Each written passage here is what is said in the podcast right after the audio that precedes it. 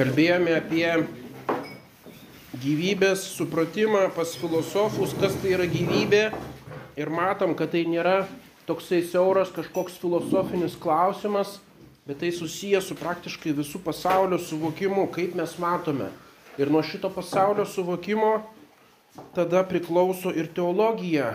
Jeigu mes priimam klaidingą filosofinės pažiūras, tai iš to išplaukia paskui e, konsekvencijos pasiekmes ir mūsų Dievo suvokimui. Taigi tie dalykai betarpiškai siejasi su religija.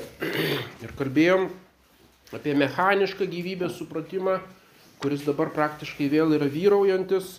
Paskui buvo tokia bandymas pasipriešinti jam, tai buvo vitalizmas, reiškia bandymas surasti kažkokio vitalinės jėgos ar vitalinio principo gyvose būtybėse ir taip paaiškinti gyvybę ir visa tai susivesdavo į tokias spekulacijas arba į netgi praktiškai naują misticizmą, kaip matėme, Franz Mesmer 18 amžiuje mesmerizmas reiškia e, gyvybinis magnetizmas ir bandymas rankomis manipuliuoti tomis magnetinėmis e, galiomis organizme ir taip toliau.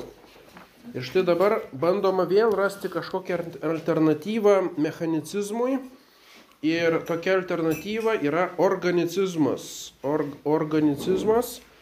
Tai reiškia, jos esmė yra tokia, kad reikia neieškoti kažkokio vieno principo, kaip vitalinio principo, kaip sielos ar vitalinės jėgos gyvose būtybėse, Ir taip pat nenukrypti į mechanicizmą, kuris žiūri į atskiras detalės.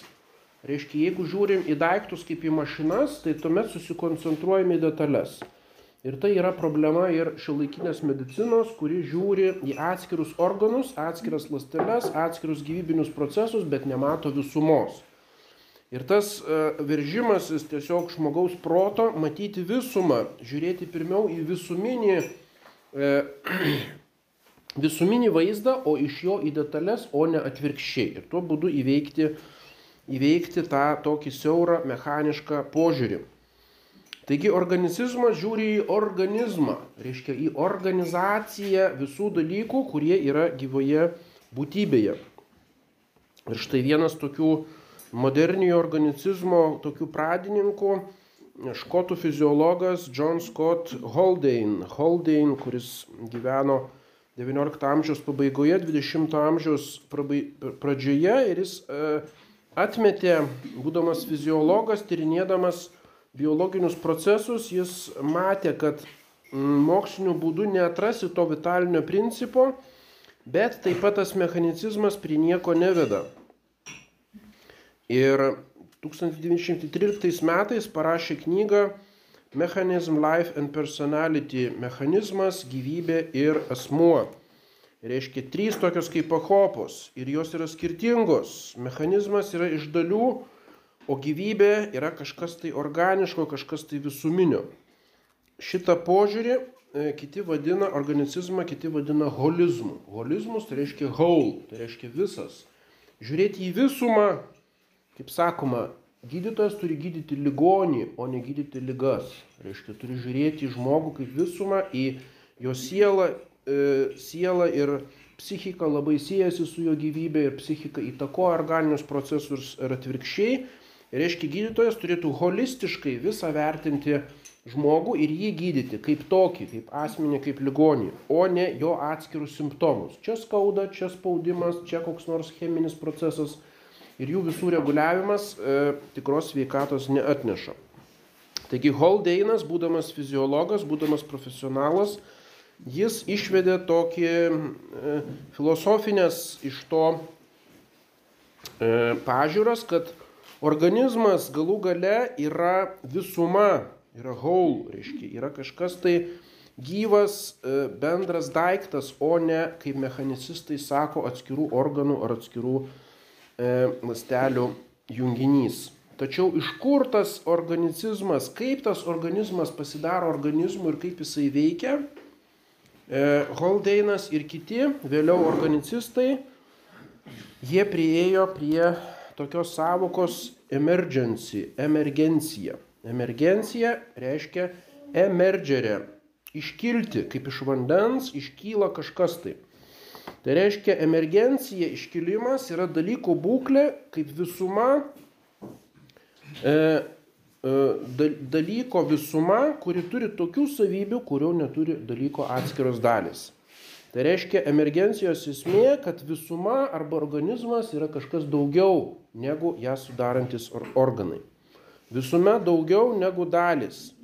Ir štai iš tų dalių daugumos arba iš jų komponavimo iškyla, reiškia, emergės, iškyla e, kažkokios tai aukštesnės savybės. Ir todėl sakoma, kad organizmas, reiškia, organizmas, kuo jisai remiasi, remiasi emergentiniais procesais. Ir šitas žodis, toksai stebuklingas emergencija, jis padarė milžinišką karjerą ir dabar praktiškai jau yra vos ne dvi stovyklos tos gamtos filosofų ir tasai emergentizmas yra labai populiarus. Jisai yra siejamas su informacijos teorija, su sistemų teorija. Reiškia, kas tai yra sistemos? Kad sistema tai nėra tik tai dalių sankaupa, bet jinai veikia kaip kažkas tai vieno ir iš tos sistemos sistematiškumo iškyla visiškai naujos savybės, kurių neturi atskiros dalis. Tai jinai taikoma yra informatikoje, yra taikoma sociologijoje, kaip socialinės sistemos ir kitur. Paskui kita atšaka šito emergentizmo tai yra chaoso teorija. Kad reiškia chaosas, mes įsivaizduojam, tai yra visiška netvarka, nelogika ir blaškimasis kažkokių tai dalykų. Ar tai E, idėjų, ar tai informacijos chaotiškos, ar tai dalelių, ar tai žmonių. Reiškia, chaosas yra chaosas. Bet ne, sakoma, šitie emergentistai bando įrodyti, kad iš chaoso kaip tokio savaime iškyla tvarka. Ir va čia yra emergentizmo esmė. Reiškia, emergencija yra toks naujas, stebuklingas žodelis. Praktiškai kaip stebuklo pakaitalas, kad reiškia, Iš kur atsiranda tvarka pasaulyje? Savaime iškylo, reiškia. Reiškia, kaip vietoj Dievo yra praktiškai chaosas. Reiškia, Dievas pakeičiamas chaotiško sistema, kuri pati save susitvarko. Tai yra neįtikėtina tokia mintis sveikai mąstančiam su sveiku protu e, žmogui tai atrodo labai keista, bet nepaisant to daugybė žmonių šitam pasiduoda. Ir štai iš kur, tasai, iš kur tos idėjos šaknis, pasižiūrim, buvo skotų, būtent Holdeinas iš Škotijos, škotų fiziologas, bet nežinau, ar čia jis su tuo siejasi, škotų ryto masonerijos e, e, dokumentai 1802 metai ir čia pirmą kartą matome šūkį arba moto 33 laipsnio škotų ryto masonerijos. Koks tasai šūkis? Lutiniškai ordo abhao. Ordo yra tvarka, kuri kyla iš chaoso. Tvarka iš chaoso. Tai šitą šūkį galėtume suprasti klasikinę prasme. Masonerija buvo deistai. Reiškia, pas juos yra toksai dievybė, aukščiausiasis architektas, kuris tvarko kaip iš plytų sumontuoja tokią šventyklą namą. Reiškia, to aukščiausio architekto tarnai, masonai, kaip racionalūs žmonės, taip pat bando įvesti tvarką viešpataujančiame tamsos ir prietovų chaose. Reiškia, ta visa viduramžiška krikščioniška civilizacija kaip toksai chaosas ir mes dabar ateinam protingi žmonės ir bandom iš to pastatyti protingą, racionalią civilizaciją. Ordo Abhao. Tačiau vėliau šito architekto praktiškai nebelieka, arba jis tampa praktiškai tik tai simboliu, arba visiškai nebereikalingas. Tai yra ir pas pačius masonus deizmą pakeičia ateizmas. Ir tada Ordo Abhao, tai reiškia, kad tvarka emergentiniu būdu iškyla iš paties chaoso kaip tokio. O čia yra esminė dalis. Tai reiškia, galim sakyti, kad yra tam tikros masoneriškos šaknis šitos idėjos. Taigi istorinę raidą galim įsivaizduoti taip. Pirmiausia yra socialinė arba ekonominė sfera, tai pirmiausia buvo fiziokratai, fiziokratizmas. Iš jo kilo ekonominis liberalizmas. Tarkim, Lietuvoje irgi buvo paplitęs jau fiziokratizmas, jau LDK paskutinėme amžiuje, 18 amžiuje. Visi šitie pagrindiniai Vilniaus universiteto filosofai jau jie buvo fiziokratai. Reiškia, e, tokia pirminė liberalizmo forma, kad reikia liberalizuoti rinkas. Ir paskui buvo klasikinis liberalizmas, kur sakoma, kad yra nematoma laisvos rinkos ranka, kuri viską tvarko. E, iš chaotiško daugelio individų savanaudiško judėjimo laisvoje rinkoje savaime emergentiniu būdu iškyla ekonominė ir socialinė tvarka. Tai reiškia, pagal liberalizmą žmonės yra individai.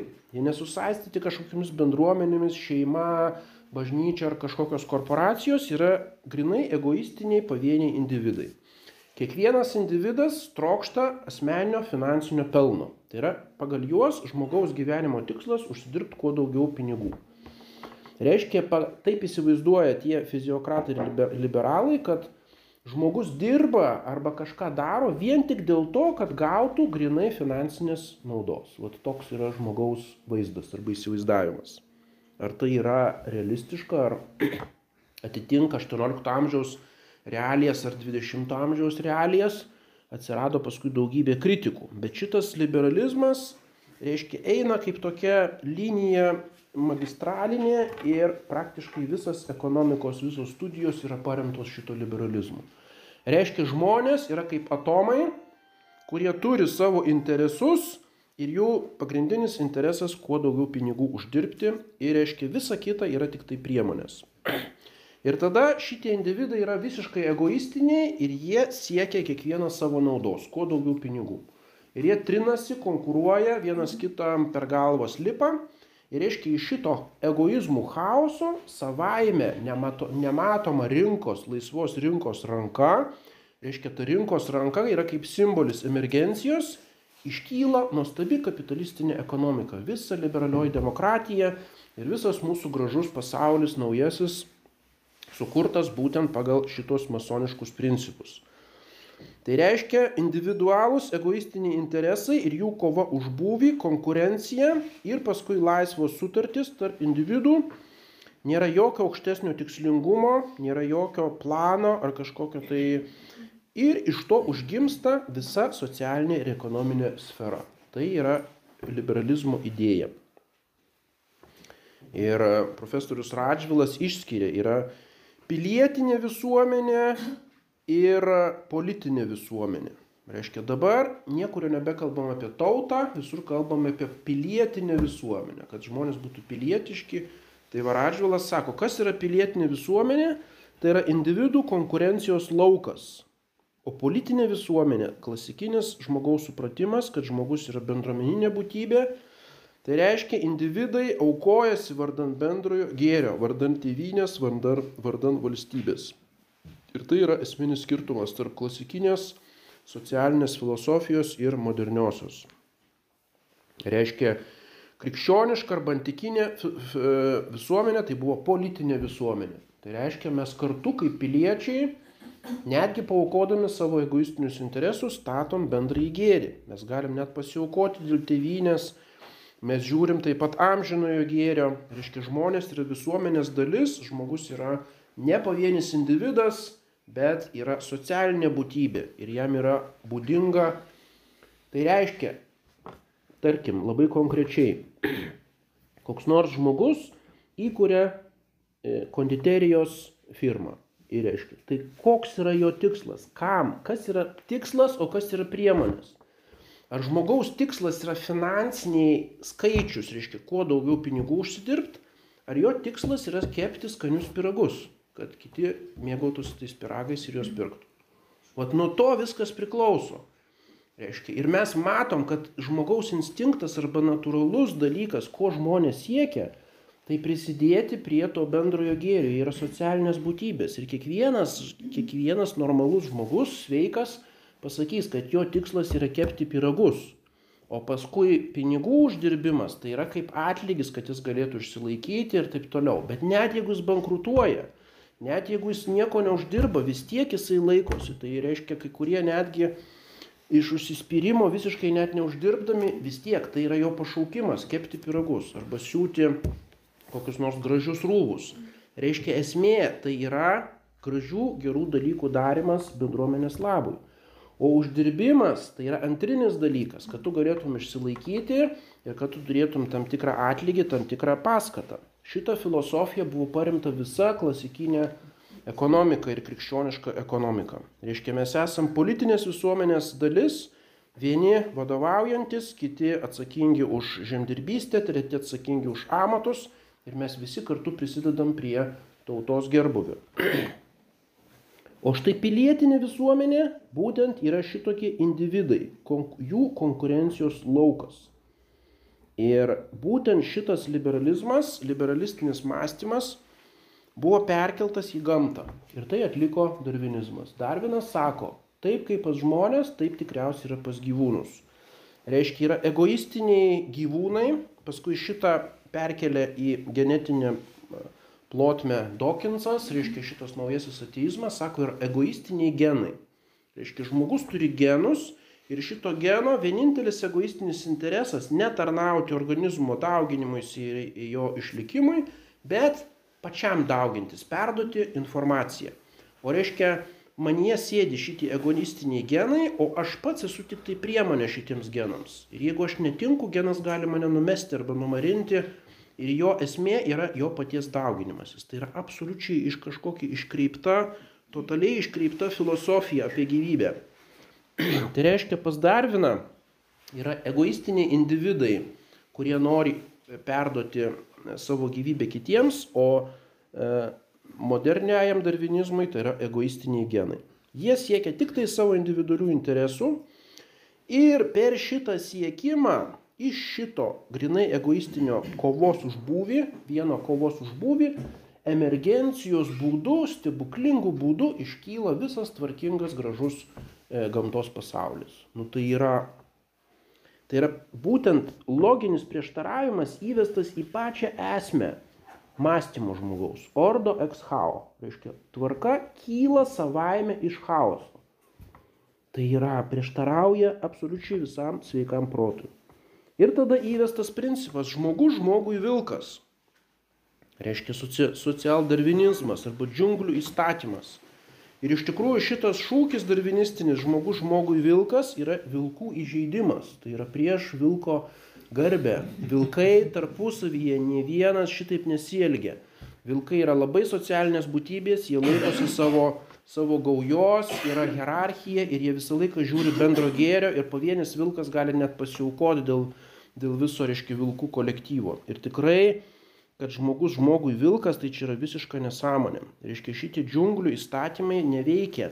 Kad vilkas užpuola kokią nors tirną, tai jau yra kas kita. Nes vilko požiūriu tai yra skanus kepsnys, tai nėra jo agresijos aktas, o jis tiesiog sėdasi prie pietų stalo ir, reiškia, pietauja. Tai jam visiškai čia nėra jokios konkurencijos ir jokios kovos už būvį.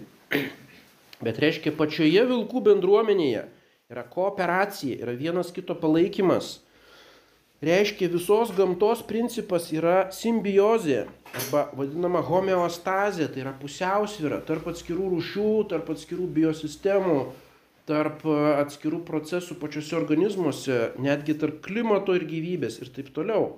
Reiškia yra tam tikra harmoninga gamtos tvarka, kurioje aišku vyksta įvairūs persvaros, ten užeina epidemija ar kokios nors nelaimės, bet visa gamta kaip tokia, jinai remiasi ne kovos už buvių principų, o būtent homeostazės principų arba pusiausvėros principų, simbiozės kartu gyvenimo principų. Tai reiškia, darvinizmas primeta gamtai e, šito XIX amžiaus laukinio kapitalizmo, reiškia, principus, liberalistinio mąstymo principus. Reiškia, iškreiptas socialinis mąstymas iškreipia gamtos vaizdą. Ir tada Jeigu jau gamtoje taip, tai tada atvirkščiai vėl projektuojama šitas darvinistinis visuomenės požiūrį, e, gamtos požiūris vėl atgal į visuomenę ir čia turime socialdarvinizmą, kurio galutinis poveikis tai buvo hitlerizmas, reiškia, nacijų Vokietijoje, kuris sako, esminis dalykas yra jėga, kova už būvį tarp tautų ir Hitleris sakė, jeigu vokiečiai pralaimės karą, tada jie parodo, kad yra silpni, jie darvinistinėje kovoje už buvį pralaimi ir sako, aš tik nusispjausiu ir nueisiu, sako, man visiškai nerūpi vokiečių tauta, gali jie pražūt, kadangi jie įrodė moksliškai, kad jie yra silpni. Ir jie neatsispyrė kitoms tautoms ir jie bus sunaikinti. Nu ir tegul savo žūsta. Reiškia taip, kaip gamtoje silpnesnis turi žūti. Silpnesnio laikymas, gyvybės išlaikymas yra visiškai nesąmonė ir jos reikia atsisakyti. Tai reiškia socialdarvinistinis mąstymas, kuris nereikia ieškoti ten kažkokio tai, bet tiesiog jis yra pačioje liberalizmo sam, sampratoje. Reiškia, firma bankrutuoja, tūkstantį žmonių atleidžiama, iš jų šimtas ten nusižudo, kiti eina ubagauti, nu ir kas gerai. Bet svarbu, ekonomika kyla, auga. Ir va toks mąstymas yra. Tai reiškia, darvinizmas perima iš liberalizmo ir tada sako, čia yra gamtos tvarka. O žmogus turi gyventi pagal gamtą. Tai yra natūralus gamtos dėsniai. Tai reiškia, jeigu kiti bankrutuoja, žlunga ir žūsta, jų gelbėti nereikia. Jie taps tokiu kaip mėšlu, puvėsiais, reiškia, naujiems verslams kilti ir nau, naujai civilizacijai.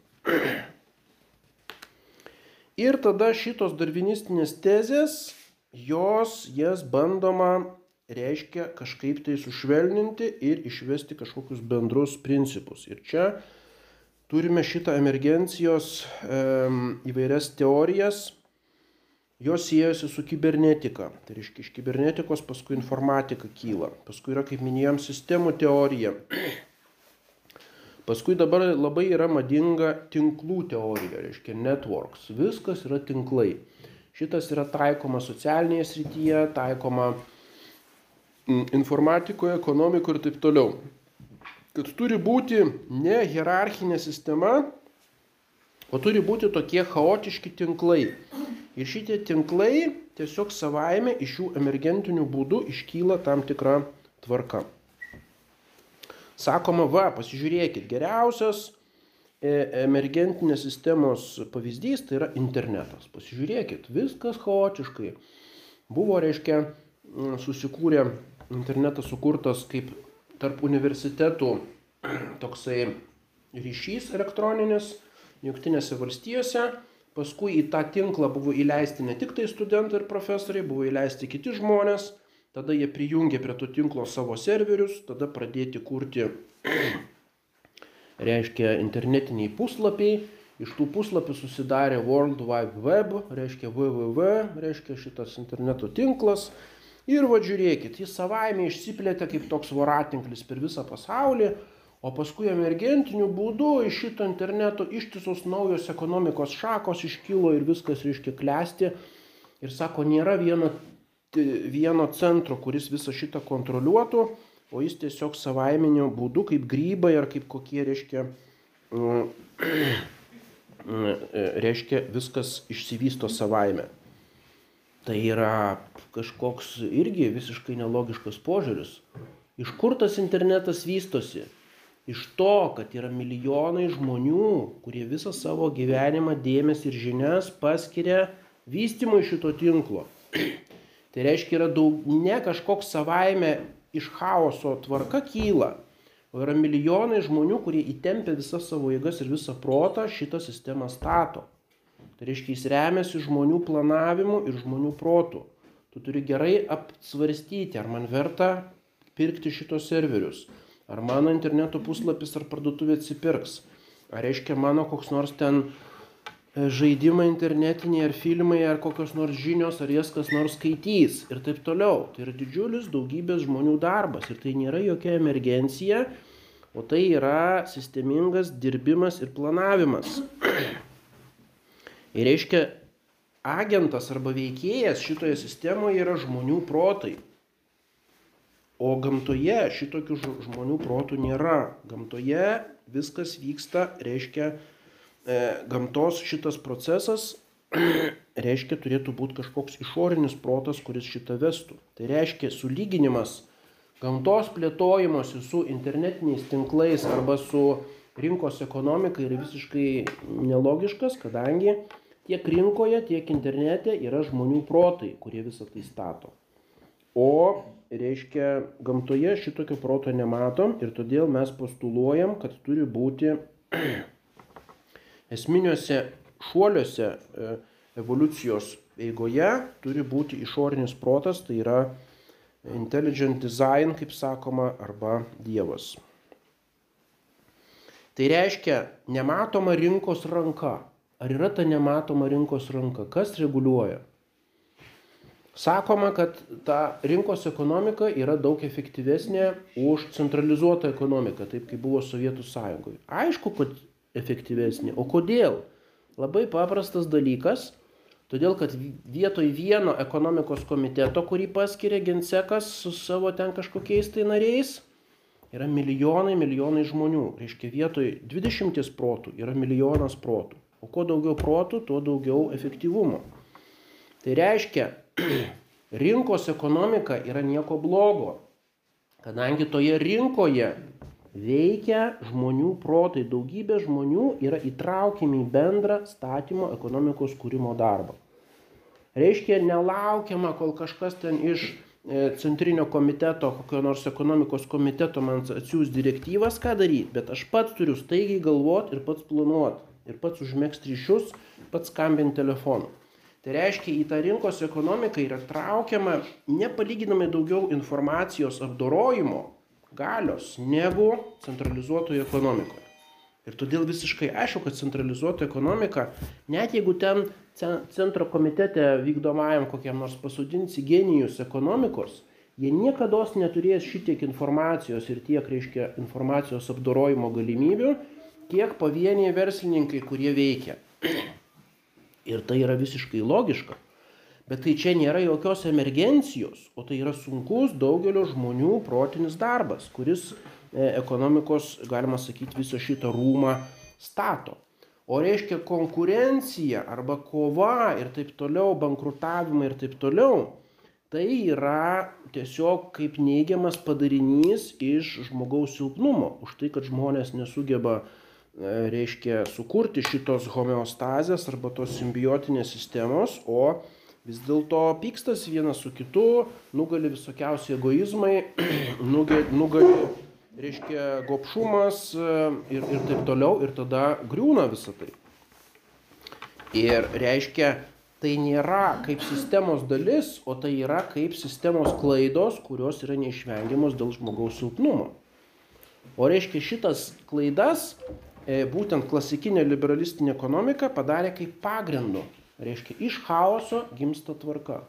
Tai nieko panašaus, tai yra visiškai iškreiptas, iškreiptas mąstymas tiek apie ekonomiką, tiek apie e, žmonių visuomenės gyvenimą ir galiausiai visą tai pritaikoma gamtai.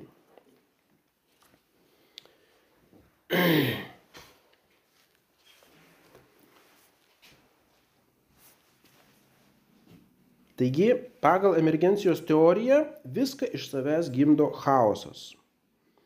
Ir tada atsėti šitą chaosą žmogus gali perprasti, jį gali suvaldyti ir netgi specialiai kurti ir kontroliuoti. Ir tai yra didžioji puikybė dabartinio žmogaus, kad reiškia, kurdamas šitas vadinamasias chaoso teorijas, jisai mano, kad jisai sugebės chaosą kontroliuoti. Ir tada, jeigu pasižiūrim, tarkim, į klimatą. Klimatas tai yra tobulas chaosas, tai yra visiškai neįmanoma. Yra šitokia masė informacijos, kurią turi apdirbti hidrometeorologai ir tu niekaip nenustatysi. Yra tiek daugybė poveikių - temperatūros, lėgis, saulės šiluma, vulkanų išsiveržimai, čia debesis, čia debesų nėra, viskas keičiasi. Ir reiškia, šitą klimato chaosą žmogus sako dabar 20, 21 amžiui mes galim suvaldyti. Ir atsirado naujas mokslas geoinžinerija. Tai reiškia, geoinžinerija toksai yra besikūrintis mokslas, kuris mano, kad galim valdyti klimatą, galim valdyti orus, galim valdyti kur kada lis, o kada nelis.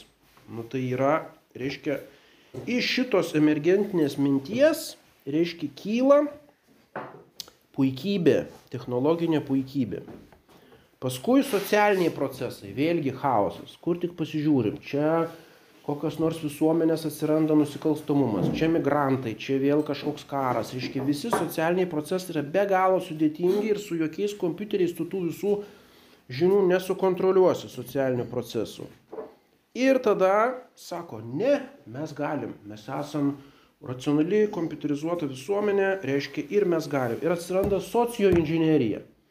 Reiškia, visą šitą socialinį organizmą galime programuoti, programuojama visuomenė. Ir kaip didžiausia laboratorija šito socioinžinerijos tai yra dabartinė Kinija. Tai ten viskas vyksta ir visi išsižioja žiūri, reiškia, ką kiniečiams, ar jiems pavyks, ten yra šimtai tautelių su šimtais visokiausių kalbų, tradicijų, reiškia ir vienos turtingos, kitos biednos, vienos reiškia perėmė vakarietišką ekonomiką, kitos dar gyvena kaip viduramžiais, visokie tibetiečiai, visokie uigūrai, mongolai. Reiškia visą šitą chaosą, staiga centro komitetas sako, mes galim sukontroliuoti socioinžinerinėmis priemonėmis, naudodamėsi informacinėmis technologijomis, naudodamėsi prievartą, koncentracijos stovyklomis, propaganda, smegenų plovimu ir taip toliau. Tai yra socioinžinerija. Visa visuomenė kaip inžinerinis objektas valdymo. Paskui gyvi biologiniai organizmai yra bioinžinerija. Reiškia, žmogus taps gyvybės viešpačiu ir viską. Tai jau nebėra šiaip savo medicina arba biologija, kur mes tyriam, nuolankiai prisitaikom, žiūrim, kas iš tikrųjų yra ir kiek sugebam, šiek tiek pagydom ar šiek tiek kažką tai. Bet ne, mes perimsim gyvybės kontrolę ir žmogus taps gyvybės viešpačiu. Tai yra bioinžinerija. Toliau yra žmogaus psichika, vėlgi chaosas tai visokios emocijos, visokie hormonai, tai žmogus ten entuziastingai dirba, tai jis nieko nenori dirbti, tai jisai staiga jam apšvietimas kažkoks, jo protas veikia kaip mašina, reiškia genialios idėjos, tai vėl visiškai nesugeba susikoncentruoti, reiškia psichinis chaosas. Viską galim padaryti. Ir yra neuroinžinerija, reiškia Neurologai tyria atskiras smegenų sritis, yra skanavimas, yra čipų įdėjimas į atskiras smegenų vietas. Yra tiesiog neįtikėtini dalykai, kas dabar daroma. Lenkijoje nusipirkau vieno Lenko autoriaus knygą apie Achilą, naujasis Achilas, reiškia karo neuroinžinierijos pritaikymas karybai. Tai yra neįtikėtina, kiek milijardų investuojama ir kas yra daroma visose pasaulio kariuomenėse, o reiškia kariuomenė yra kaip pirmasis dalykas, reiškia visos naujausios, pažangiausios technologijos pirmiausia yra išbandomos kariuomenėje, karyboje ir armijoje, o paskui jau pritaikoma civilinėme gyvenime. Ir ką jisai kiek yra surinkęs apie paskutinį va dešimtmetį, kas yra vykdoma, kiek masė eksperimentų daroma, kaip visokiausi čipai, visokiausi smegenyse jau dabar sugeba praktiškai reguliuoti tavo agresiją, padaryti tave agresyvių kareivių arba nuolankių sugeba tavo koncentraciją padidinti, kad tu galėtum lakūnas išskrenda 48 valandas nemiegodamas, jisai susikoncentravęs, reiškia šaudo visus aparatus valdo, reiškia cheminėmis, biologinėmis, e, reiškia mechaninėmis ir elektroninėmis priemonėmis valdomas žmogaus nervų sistema, valdomas žmogaus smegenis. Ir tai yra idealas - suvaldyti žmogaus psichikos chaosą, kad jis būtų tobulas achilas, reiškia tobulas karys arba tobulas darbininkas, medžinis. Ir visa tai susiveda galų gale į strateginį planavimą. Strateginis planavimas tai yra visų šitų inžinerijų sujungimas į vieną sistemą. Tai yra technovizija pasaulio, kad reiškia e, toksai net galima sakyti futurizmas mokslinis. Reiškia tai, kas anksčiau buvo mokslinė fantastika, tai dabar yra ateities planavimas, reiškia strateginis planavimas. Ir šitie vadinami think tanks, tai yra e, planavimo duomenų analizavimo ir planavimo laboratorijos. Reiškia, dabar jeigu tu turi rimtą firmą, tai be šitokio think tanks tu nieko nepadarysi. Reiškia, turi būti šimtas žmonių, kurie non-stop keurą dieną tavo srityje, tarkim, tu dirbi su naftos pramonė, jie skanuoja visą informaciją, žiūri visas kitas firmas, žiūri visus procesus, analizuoja visą šitą ir bando planavimas ateinančią mėnesį planavimas ateinančiam ketvirčiui, planavimas ateinančiams metams, planavimas dešimtmečių į priekį. Ir be šitokių think tanks, be šitokių planavimo institutų niekas nebegali veikti. Nei ministerijos valstybės, nei privačios didelės korporacijos. Ir viskas į šitai susiveda. Reiškia, į šitą planavimą, reiškia, šitie think tanks taps tokiomis kaip naujomis bažnyčiomis arba naujos, naujasis dvasinis elitas. Reiškia, kas tenais dirbs, jie nulems visą šitą bendrą strateginį planavimą, nes be strateginio planavimo šito chaoso nesuvaldysi. Taigi tai yra tokia idėja, kad žmogus jau dabar gali iš šito chaoso išvesti, išvesti tvarką. Tai aišku, matom, į kur visą tai veda, į absoliutų totalitarizmą. Netgi dabar sakoma, kad Kinija yra pirmoji tikrai totalitarinė valstybė. Reiškia, kad tai, kas buvo Stalino ar Hitlerio, tai buvo tik tai bandymai. O dabar iš tikrųjų gimsta pirmoji globali tota, totalinė, reiškia, jėga, kuri inžineriniu būdu, e, reiškia, bandys suvaldyti chaosą. Taigi buvo toksai prancūzų matematikas Jules Henri Poincaré, 19 amžius, kuris padėjo pamatus chaoso teorijos. Chaoso teorija, jis buvo matematikas. Aišku, matematikai gali žaisti kaip nori. Tai yra matematikos rytis tyrianti labai jautrių pradiniams sąlygoms dinaminių sistemų elgseną. Šioms chaotiniams sistemoms maži pradinių sąlygų skirtumai duoda plačiai nukrypstančius rezultatus. Ir tai yra vadinama bifurkacija arba drugelio efektas. Reiškia, drugelio sparnų mostelėjimas Europoje sukelia tornadą Amerikoje. Tai yra bifurkacijos principas. Reiškia, pradinės sąlygos nepaprastai mm, jautriai nukrypsta ir tada iš tų pradinių sąlygų, reiškia, kaip domino efektas, išeina milžiniški poveikiai visiškai nenumatytoje kitoje e, planetos vietoje. Tai yra vadinamas drugelio efektas. Drugelio sparnų mostelėjimas sukelia tornadą kitoje planetos pusėje. Ir remiantis šito principu, reiškia, bandoma matematiškai modeliuoti.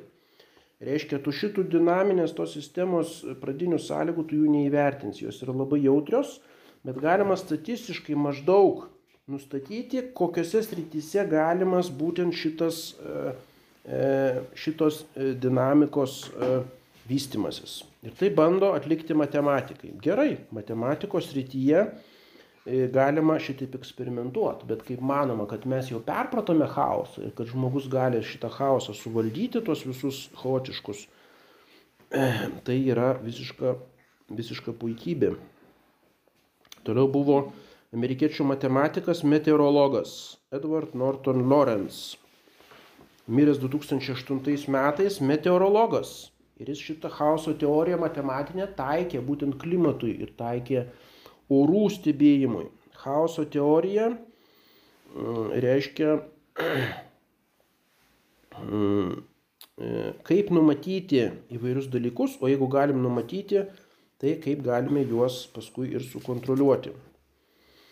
Tada prancūzų kitas matematikas René Frederic Tom sukūrė katastrofų teoriją katastrofų teorija, kaip reiškia šitas chaosas virsta, virsta įvairiomis katastrofomis, kurios sugriauna atskiras sistemas ir kaip šito galima išvengti ir taip toliau.